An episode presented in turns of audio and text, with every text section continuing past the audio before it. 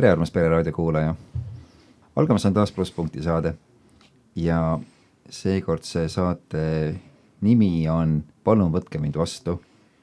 me räägime sellest, kuidas võtta uusi inimesi kogudusse või mõnda laagrisse või ükskõik kuhu organisatsiooni näiteks vastu, niimoodi, et nad ennast teretulnuna tunneksid.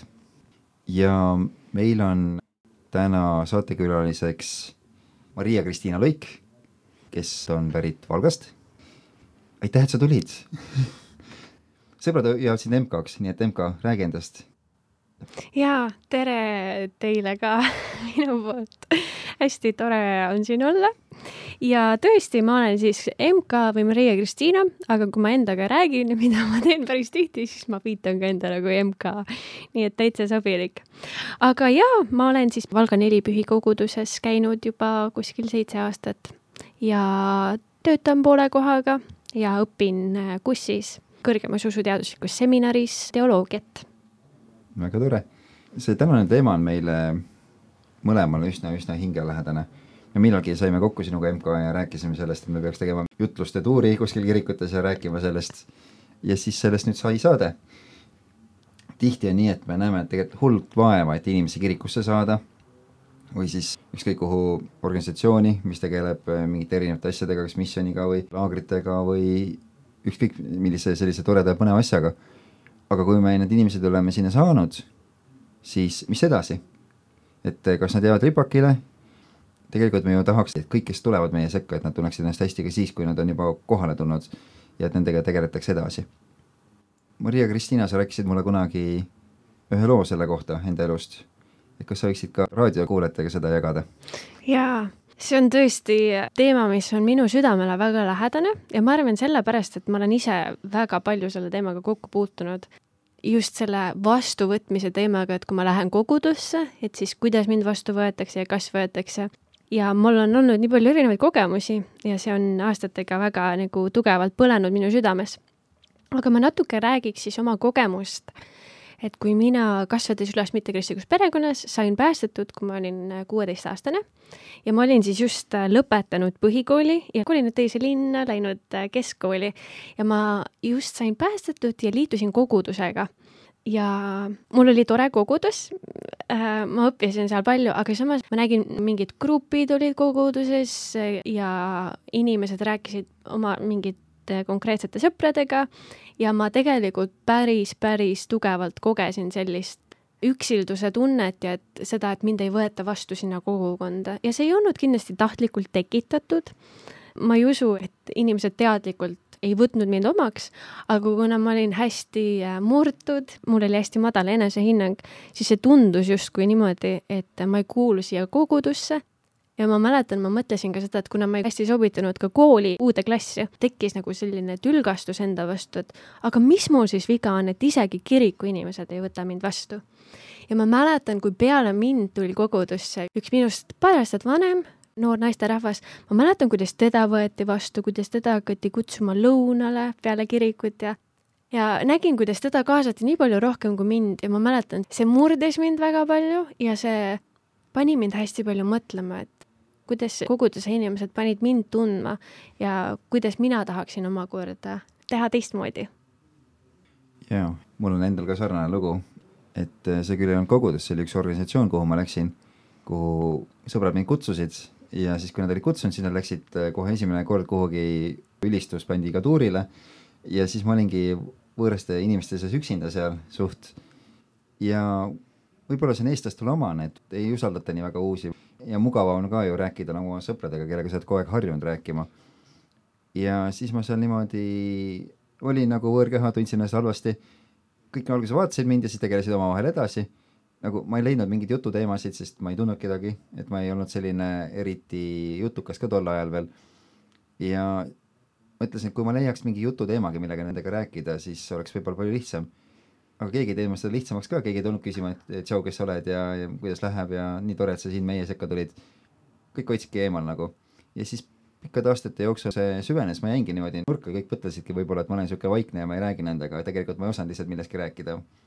ja siis vaatasin neid inimesi, kes olid siuksed elavloomulised ja kellel see jutt nagu jooksis ja, ja et kui palju kergem neil oli tegelikult seal suhestuda, isegi kui nad alles tulid teiste inimeste sekka. no ja siis olid ka kodugrupid nagu selle organisatsiooni sees ja iga kord, kui ma sinna läksin, siis ma pärast tundsin ennast veel halvemini, kui ma sinna minnes olin.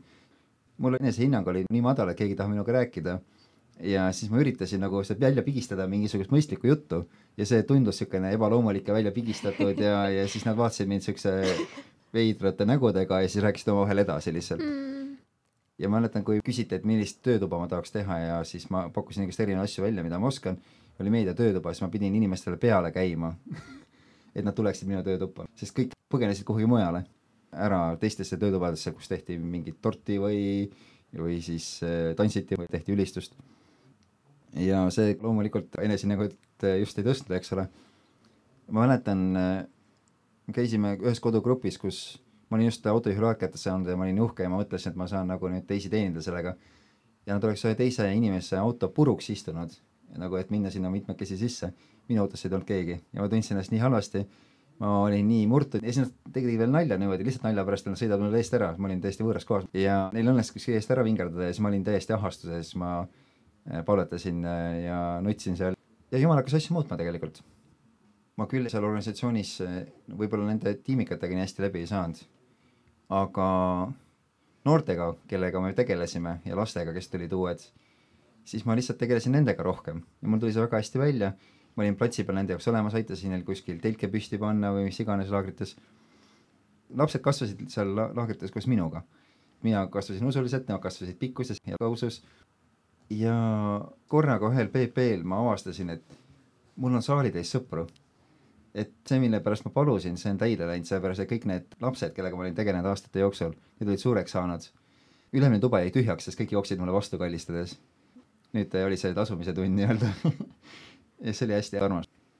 ja ma mäletan, pärast seda oli mul kaks aastat, mis olid nagu täiega jumala paid, kus äh, ma läksin ka kuhugi teise kohta teenima, põhiliselt olin köögis, olin alati olemas, mu köök oli alati rahvast täis, kõik noored tulid minuga rääkima, ma olin palvetanud sellest, et mu autos oleks rahvast, mu auto oli rahvast täis, kõik äh, noored tahtsid minuga sõita Tallinnasse või oma kodudesse pärast laiali ja alati tunglesid minu autosse, see oli palve vastus aga selle tõttu siis ma ise hakkasin vaatama, et kes on uued, kes meile tulevad, et nendel oleks mugav ja neil oleks tore, et nad ei jääks nurka istuma, tõsi, iga kord see mul ei õnnestunud, aga ma vähemalt üritasin, et ma teadsin, mida see tähendab. Ja ma ei tahtnud, et keegi jääks kuhugi niimoodi nurka istuma, sest et ta on uus ja keegi ei viitsi temaga rääkida.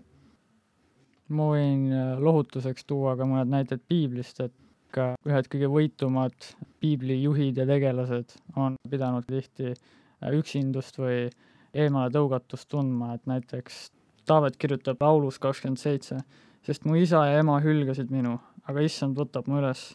ja lisaks ta kirjutab ka palju sellest, kuidas oli palju neid, kes teda igatepidi rõhusid ja pilkasid ja, ja samamoodi ka Paulust ei võetud kogudusse vastu. aga piiblist me näeme seda joont, et tuleb andeks anda ja eluga edasi minna ja, ja Jumal on see, kes on neid kahte meest väga õnnistanud ja üles tõstnud ja ja küll Jumal tõstab igat ühte, kes tema poole hüüab. samas eemaletõugatus ei pruugi olla ainult uute tulijate seas, vaid ma olen ka tähele pannud, et mõnikord ka koguduste tasemel võib seda eksisteerida, et mis asja, teil on nii väike kogudus, pole kuulnudki teist. et kõiksugustel tasemetel võib olla sellist suhtumist. aga ma kuulsin, et sul on muusikat ka selleks saateks välja valitud, et mis sa esimeseks lased meil? Jaa, esimene laul on Timo Lige laul Su armastus jääb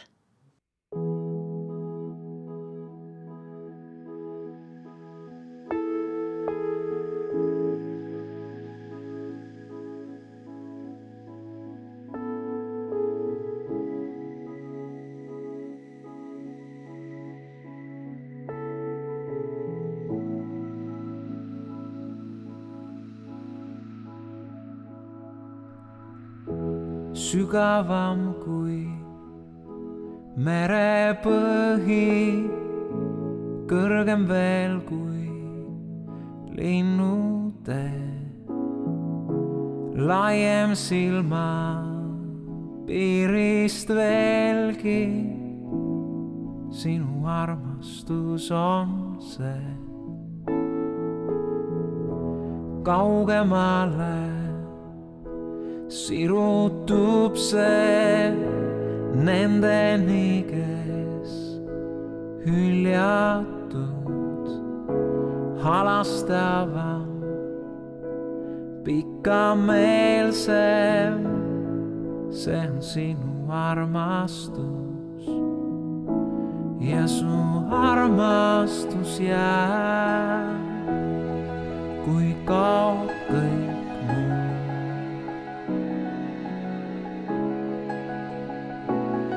ja su armastus jääb ja su ustavus.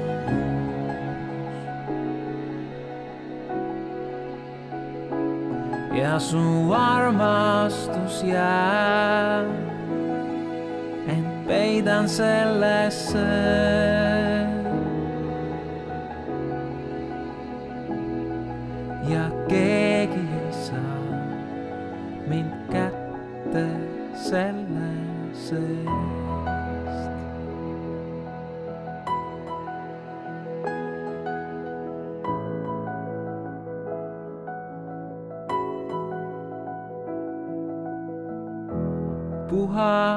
Ilus, rikkumata, kõrgem sellest maisest siin vigadele vaatamata võtad käest ja edasi mind viid.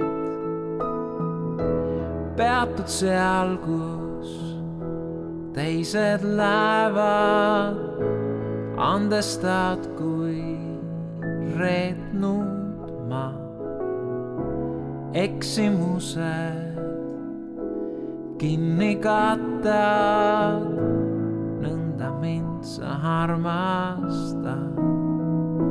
ja su armastus jääb, kui kaob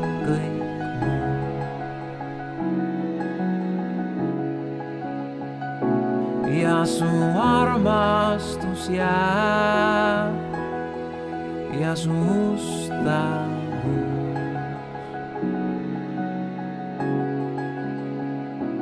ja su armastus jääb, ent peidan sellesse.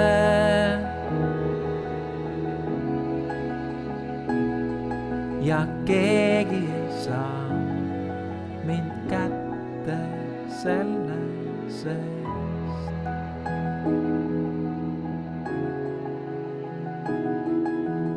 keegi ei saa mind kätte selle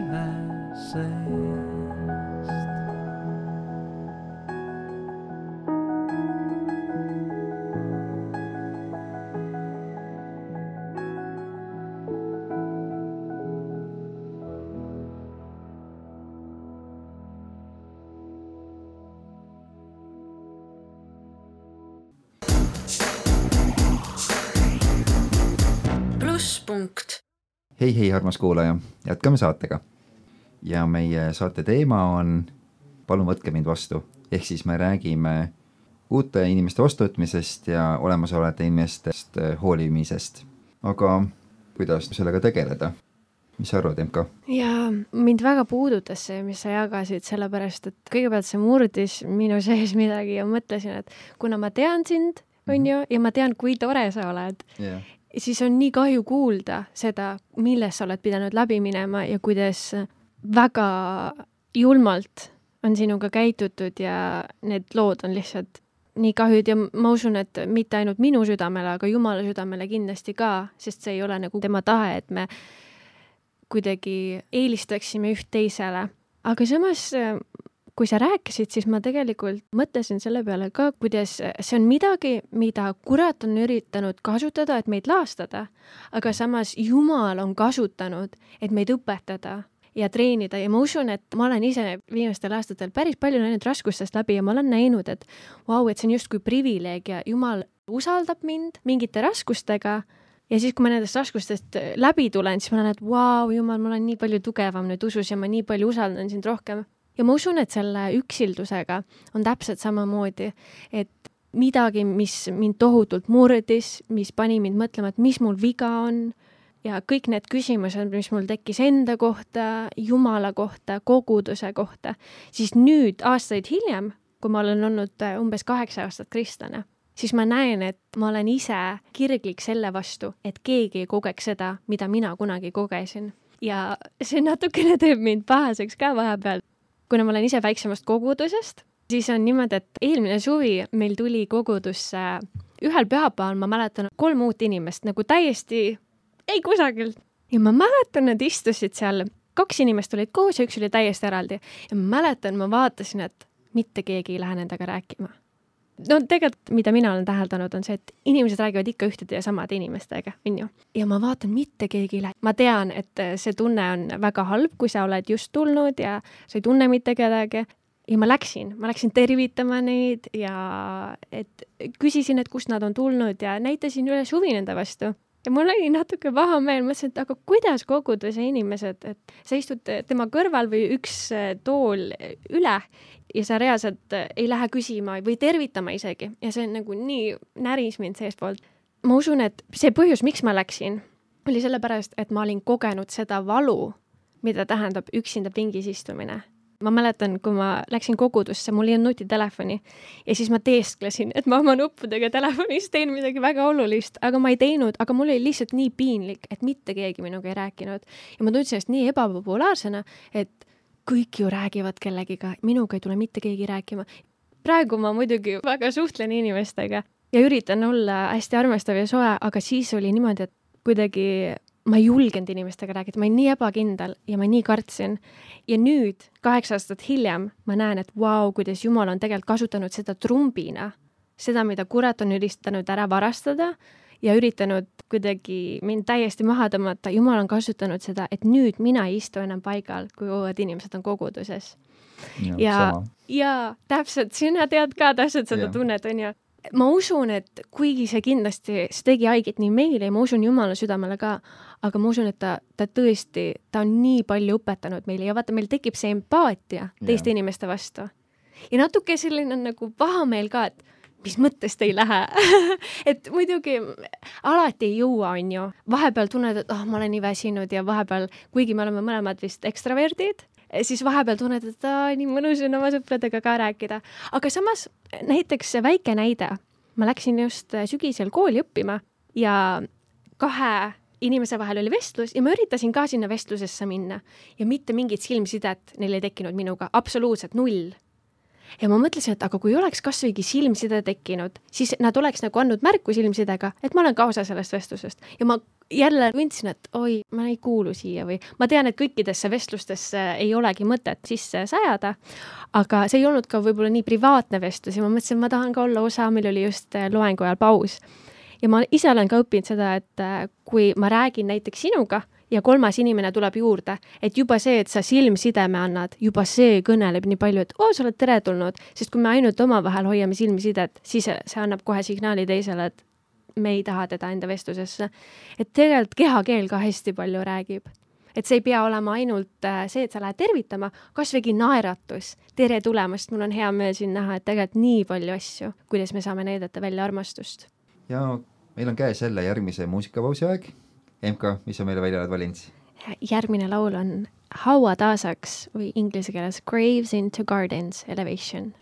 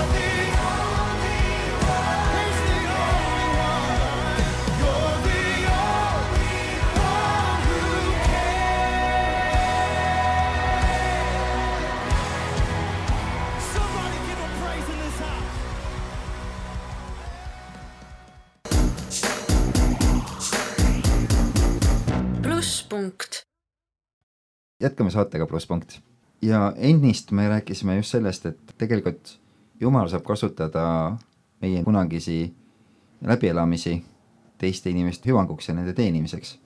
ja ma ise olen ka tähele pannud seda, et needsamad inimesed, kellele ma kunagi võib-olla ukse peale vastu läksin ja läksin sõbralikult nendega rääkima, kui nad esimest korda tulid kuhugi, need inimesed meenutavad seda ka aastaid hiljem ja nad tulevad rõõmsalt rääkima ja meenutavad seda, et oi, Oliver, sina olid ainus inimene, kes minuga rääkima tuli või sina olid esimene, kes minuga rääkima tuli. eelmises saates näiteks äh, oli Anna Neutel, kes seda mulle just rääkis ja neid inimesi ikka on, kes on mulle seda öelnud ja tegelikult selline tagasiside teeb hästi rõõmsaks, et, et jumal kasutab mind sellise toruna teiste hüvanguks. jaa, mulle kohe meenus sellega see, et äh, kui mina tulin kogudusse ja ei olnud just heas kohas oma elus ja olin nukker ja vaimselt äh, ei läinud väga hästi, aga siis, kui mu pastor, kes on hästi särav inimene, kui ta naeratas, juba see nii palju andis juurde, et keegi naeratas sulle, et äh, tahakski öelda, et me ei saa alahinnata seda, mida üks naeratus või tervitus võib teha inimesele, kellel on praegu elus väga raske aeg. et võib-olla ta vajabki ühte sellist sooja tervitust ja naeratust, et midagi juba muutuks tema sees mm. -hmm. et olla inimeste vastu sõbralik ja tore ja et nad tunneksid ennast hästi, selle jaoks ei ole vaja palju teha jaa, ma arvan, et kui me tunneme, et see on ebamugav meie jaoks, siis me ei pea üle võlli keerama asja. ma mäletan, mul oli isegi vestlus sealsamas esimeses koguduses, kus ma käisin. Ühe noore naisega, me rääkisime just, et aa, uus inimene koguduses. Ja siis ta ütles ka, et aa, ma ei taha ka niisama tühja juttu teha. Ja ma sellest vestlusest omakorda rääkisin ühe teise inimesega, kes ütles selle peale, kommenteeris, et tegelikult see ei ole tühi jutt, kui sa tõesti siiralt hoolid inimesest ja tahad küsida, et kes ta on, kust ta tuleb, mis on tema lugu. ja ma arvan, et me tõesti, kui me näiteks oleme introverdid ja meil on raske, siis me ei pea minema ja kohe küsima, et tere, kes sa oled, kust sa tuled.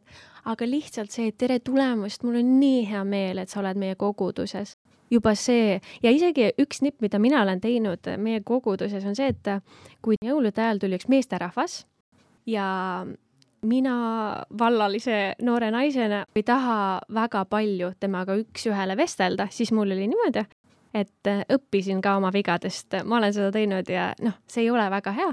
aga ma tegin niimoodi, et ma vestlesin, üritasin panna teda tundma, et ta on oodatud siin koguduses ja siis ma kohe haarasin ühe meie koguduse diakoni, meesterahvas, haarasin ta kohe ja ütlesin tere, et tule ka meie vestlusesse, ma kohe tutvustan, kellega ma siin tutvusin. ja neil kohe tekkis ka mingisugune selline vestlus ja ma mõtlesin, et okei okay,, väga hea, mina võin siit vestlusest ära minna, et muidu sellel inimesel ei tekiks kuidagi vale arusaama, et aa, see noor naine, et ta on minust huvitatud, et ta tuli minuga rääkima. aga et kuidagi ma tegin selle alguse ja siis ma tõin kellegi sisse, kes saab üle võtta et ma arvan, et see on ka päris hea nipp.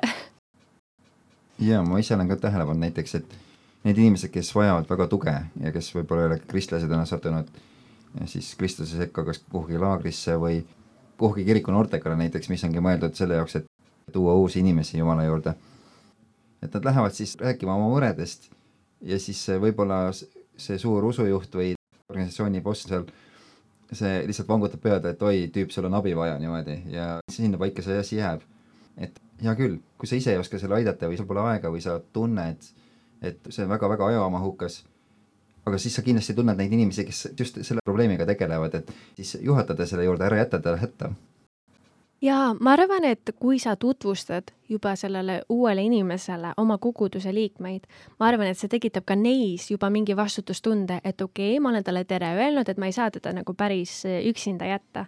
ma arvan, et see on ka hea, et võib-olla kui nad varem ei pane tähele, siis nad juba tervitavad teda. inimeste vastuvõtmise kohta on piiblis päris palju ka kirjakohti.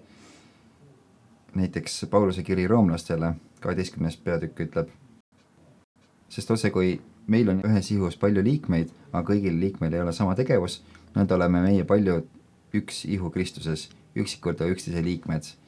aga meile antud äh, armu järgi erinevaid armuande.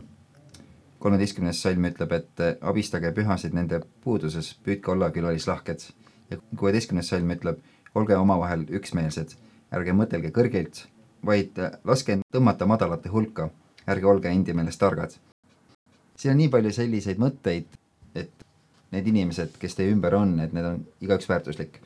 et iga inimene tegelikult on ju Jumalale kallis, ta on Jumala näo järgi loodud ja me peakski võib-olla seda võtma niimoodi, et isegi kui ta mõnikord meile ei meeldi või kui ta on väga teistsugune, siis ometi ta on Jumala meistriteos ja me peame teda austama, sest Jumal armastab teda sellise, nagu ta on ja meil ei ole õigust mõelda halvasti kellest, kellest Jumal näeb nii palju, et mis temast võib saada, isegi kui ta võib-olla sel hetkel on kuskil madalaseisus. meil oli just koolis sess ja siis keegi rääkis, et aa, vahel on nii raske koguduses armastada inimesi, on ju, ja õppejõud ütles ka niimoodi, et vahepeal meil on ju niimoodi, et meile ei meeldi kõik inimesed ja me ei meeldi ka kõigile inimestele. ja siis hästi huvitav kommentaar tuli äh, meile sinna chati. keegi kirjutas, et meile ei pea mitte inimesed meeldima, aga me peame neid armastama ja ma arvan, et see on nii õige, et tegelikult Jumal ei jäta ju meile valikut, et aa, et armasta neid, keda sul on kerge armastada, aga Jumal kutsub meid kõiki armastama, isegi neid inimesi, kes meile ei meeldi. isegi seda samaarlast seal läbipekstuna tee peal või siis meie kontekstis, ma ei tea, venelast või, või keda iganes, kuigi venelased on väga toredad tegelikult. jaa. Galatlaste kolm näiteks ütleb, et ei ole siin juuti ega kreeklast, ei ole siin orja ega vaba, ei ole siin meest ega naist, sest kõik olete üks Kristuses Jeesuses. ja näiteks teise Saamali üheksas peatükk on lugu Sauli pojapojast Mephibosetist, kes oli jalust vigane ja ta oli ainus, kes oli Sauli soost alles jäänud.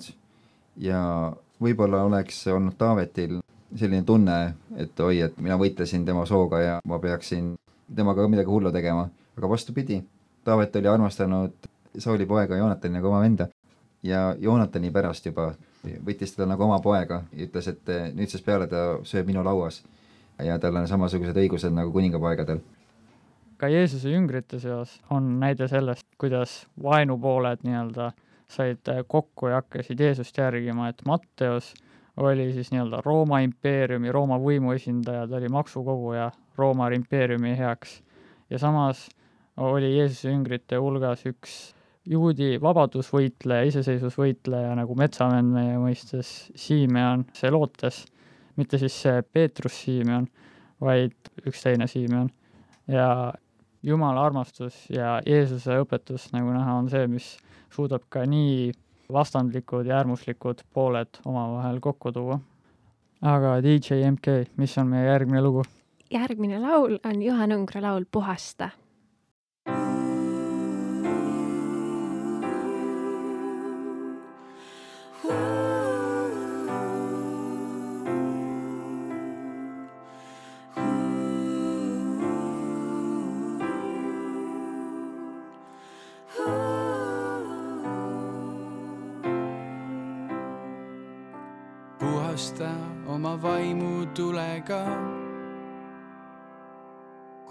kogudus, mis kutsub end sinu nimega, põleta kõik ebajumalad, millega me end ümbritsenud tahes-tahtmata. õpeta meid kuulama su häält, sest sina räägid uut iga päev.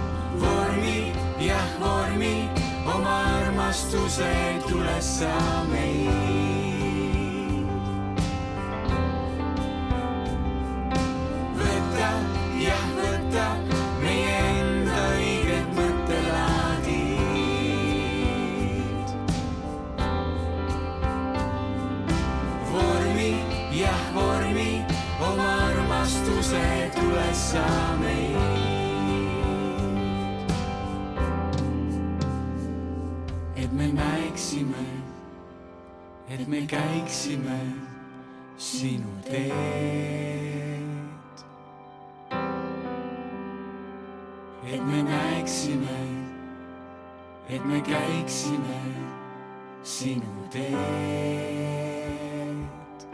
sinu teed, et me näeksime, et me käiksime sinu teed, Jeesus, et me näeksime, et me käiksime sinu teed,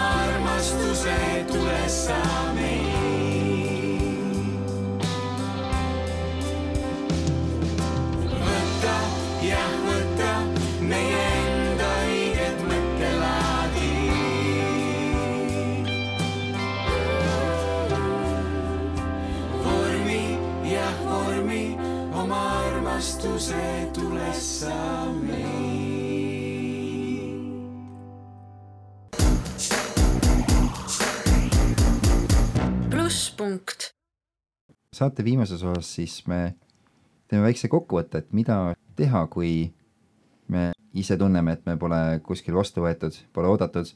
MK, sul on sõna. aitäh. ma arvan, et kui me olemegi sellises olukorras, eriti kristlastest kuskil ringkonnas, kus me tunneme, et me ei ole vastu võetud, siis ma arvan, et see on huvitav perspektiiv mõelda niimoodi, et aga Jeesus on ka tundnud ennast hüljatuna ja üksinda. just siis, kui ta kõige rohkem oma jüngreid vajas kui ta palvetas Ketsamani aias ja kõik ta jüngrid jätsid ta ja ta jäi üksinda. ja ma arvan, et me võime mingis mõttes mõelda, et vau, me saame osa nendest kannatustest, millest Jeesus läbi läks ja me mõistame paremini tema südant, ma arvan. aga jaa, ma usun, et palve kindlasti aitab, nagu sina ütlesid ka, Oliver, et sina palvetasid ja siis muidugi läks aega, aga sa hakkasid nägema seda tulemust. ja ma arvan, et mida teha sellises olukorras, kui sa oled koguduses, kus on uus inimene tulnud, siis ma arvan, et üks palve, mida mina kunagi palvetasin, oli see, et Jumal, aita mul näha inimesi nii, nagu sina neid näed. ja kui sa tõesti hakkad nägema inimesi nii, nagu Jumal neid näeb, siis sa ei saa istuda paigal, sa ei saa jääda paigale, sest su süda lihtsalt ei luba. sa tahad minna ja tahad, et ta tunneks ennast armastatuna. ja ma arvan, et see perspektiivi muutus ka võib-olla, et ma ei pea alati rääkima nende ühtede ja samade inimestega et võib-olla mul on oma ring, aga ma saan kutsuda selle uue inimese või need uued inimesed oma ringi. Et nemad tunneksid ka ennast armastatuna, sest et Jeesuse näitel me näeme, et tegelikult ta ei jätnud inimesi üksinda või ta ei pannud neid tundma niimoodi, et nad on vähem väärtuslikud või et nad ei kuulu meie sekka. ma arvan ka seda, et kui sa näedki neid inimesi, kes tulevad ja kes tunduvad alguses nii uudistavad, et eh, mis toimub ja kuhu meid nüüd kutsuti, neid on ka igasuguseid, et me ei pruugi teada nende kohta, mis neile meeldib, kas neile meeldib see, et kui ma lendan kohe peale ja teen talle suure kalli või siis ta pigem ütleb, et ei, ei see on nagu liiga palju, et minu isiklikku tsooni tungiti. jah, tõesti, üks väike palve näiteks ka nende inimestega rääkima minnes ja nendega tegeledes kuluks ära, enne kui ma lähen siis nendega tegelema. et jumal annaks südamesse, kuidas selle inimesega oleks õige käituda või kuidas talle läheneda siis. ja ma arvan, et inimestega suheldes on ka tark teadvustada, et iga inimene on väga erinev ja väga erineva iseloomuga. Näiteks ma ei ole väga temperamentne ega niivõrd emotsionaalne inimene. Ja siis teinekord võib-olla kui ma noh, lihtsalt räägingi, mul ei ole kõige emotsionaalsem hääl või niimoodi, siis võibki tunduda, et ma ei ole huvitatud asjast või et mine ära või midagi taolist, no selliseid olukordi tegelikult väga ei ole olnud, aga inimesed on erinevad ja et tasub ka tunnetada, et alati see inimene, kellega sa räägid, ei tahagi, et sa nagu ära läheksid, vaid ta lihtsalt on nagu tagasihoidlik või arglik või introvertne. jah, mul tuleb selle kohta muidugi rahvuste erinevuse nali meelde. me oleme kõik eestlastena harjunud, et äh, on viisakas, kui me kedagi ära kuulame. et kui on vestlus, siis on viisakas, keegi räägib, me ei sega talle vahele ja siis on meie kord rääkida mõnikord on muidugi meestel on väga raske vahele segada, kui naised omavahel räägivad, me kuidagi ei õnnestu sinna vahele ennast torgata niimoodi. see on nagu viis teemat juba kogunenud meil nagu mõttesse, millest me tahtsime rääkida, aga see kõik on juba mööda läinud ja siis enam ei sobi nendest teemadest rääkida. aga näiteks kui meil on niimoodi, et jah, et me räägime ühekaupa ja kuulame ära, siis hispaanlastel on vastupidi, nad räägivad palju ja korraga ja kätega räägivad sinna juurde ja teevad korraga selgeks üksteisele sest nende arvates on see väga viisakas, kui kõik osalevad vestluses korraga. et kui keegi on vait, siis tähendab seda, et teda ei huvita see teema, et ta tõukab teisi endast eemale. et ja samamoodi jah, inimestega peab siis arvestama nende erinevusi. et lõunapoolsete maadega on üldse niimoodi, et eh, mida rohkem ja tihkemat juttu sa räägid, seda viisakam sa oled. et näiteks kui ma käisin Armeenias, siis ma pidin oskama seal vene keelt, ma arvasin, et ma ei oska vene keelt aga siis kuna seal on pigem vene keel kui inglise keel teine keel, siis ma hakkasin oskama seda. ja kui ma näiteks taksojuhiga ei rääkinud viis minutit midagi, näiteks mul ei tulnud mingi venekeelne sõna meelde ja ma otsisin seda Google Translate'ist, siis ta juba läks närvi selle peale, ta vehkis kätega ja oli solvunud, ütles, et mis sul viga on, sa nokid telefoni, sa ei räägi minuga, et kas ma tegin sulle midagi halba. MK, sina oled ka kuskil välismaal käinud ja elanud, et kuidas sul selle asjaga on? U-Crew Inglismaa yeah!. Ja mul tuli meelde, kui sa rääkisid seda lugu, mul tuli kohe meelde, et ma elasin tõesti Inglismaal U-Crew'ga äh, paar kuud ja siis inglastel on kombeks tervitada üksteist niimoodi, et nad küsivad hi, you okay või hi, you are right, mis siis eesti keelde tõlgendub, et tere, et kas sul on kõik hästi. ja selle peale sa vastad, et yes, I m good või et jaa, kõik on okei okay,, kuidas sinul läheb või et on sinul kõik okei okay.. tähendab seda, et kõigil on alati kogu aeg kõik hästi. ja see oli minu jaoks alguses kultuurishokk ja tegelikult see nagu päris mitu kuud võttis aega, et ma sellest nii-öelda üle saaksin, et ma kogu aeg ei vastaks või ei naerataks. hästi palju oli siis nagu võltsnaeratust ja et kõigil on kõik hästi ja see tegelikult tohutult väsitas mind. aga see õpetas mulle seda, et vau wow,, et äh, kui ma olen kogu aeg arvanud, et eestlased on nii kinnised ja nii tõsised ja seal igal pool mujal välismaal on nii palju sõbralikumad, siis ma nägin tegelikult ära, et Eesti vestlustes on nii palju rohkem sügavust, sest ma mäletan, kui ma küsisin midagi, et kuidas läheb näiteks ja ma tõesti tahtsin teada, kuidas inimesel on läinud, siis oli alati vastus hästi ja natuke tegi pahaseks, et ma mõtlesin, et appi, aga ma tahan päriselt teada, kuidas sul läheb, et sa räägiksid rohkem, mitte ainult selle ühe sõna.